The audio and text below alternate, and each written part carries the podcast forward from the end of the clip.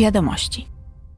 Negocjatorzy z Parlamentu i Rady osiągnęli porozumienie w sprawie reformy unijnego rynku energii elektrycznej. Ma ono zapewnić większą stabilność i bardziej zrównoważony charakter rynku oraz przystępniejsze ceny energii. Aby uchronić konsumentów przed wahaniami cen, w ubiegłym tygodniu posłowie do Parlamentu Europejskiego zagwarantowali im prawo do zawierania umów w cenach stałych. Konsumenci będą także otrzymywać najważniejsze informacje o opcjach, które wybrali. Dzięki temu dostawcy nie będą mogli jednostronnie zmieniać warunków umowy. Członkowie Komisji Handlu Międzynarodowego spotkali się w Bangkoku z władzami Tajlandii oraz przedstawicielami unijnych i tajskich przedsiębiorstw. Tajlandia i Unia postanowiły niedawno wznowić negocjacje o wolnym handlu, które rozpoczęły się jeszcze w 2014 roku. W związku z tym, że kraj ten jest ważnym partnerem handlowym Unii i najważniejszym partnerem w regionie Indo-Pacyfiku, negocjacje te wzbudzają duże zainteresowanie.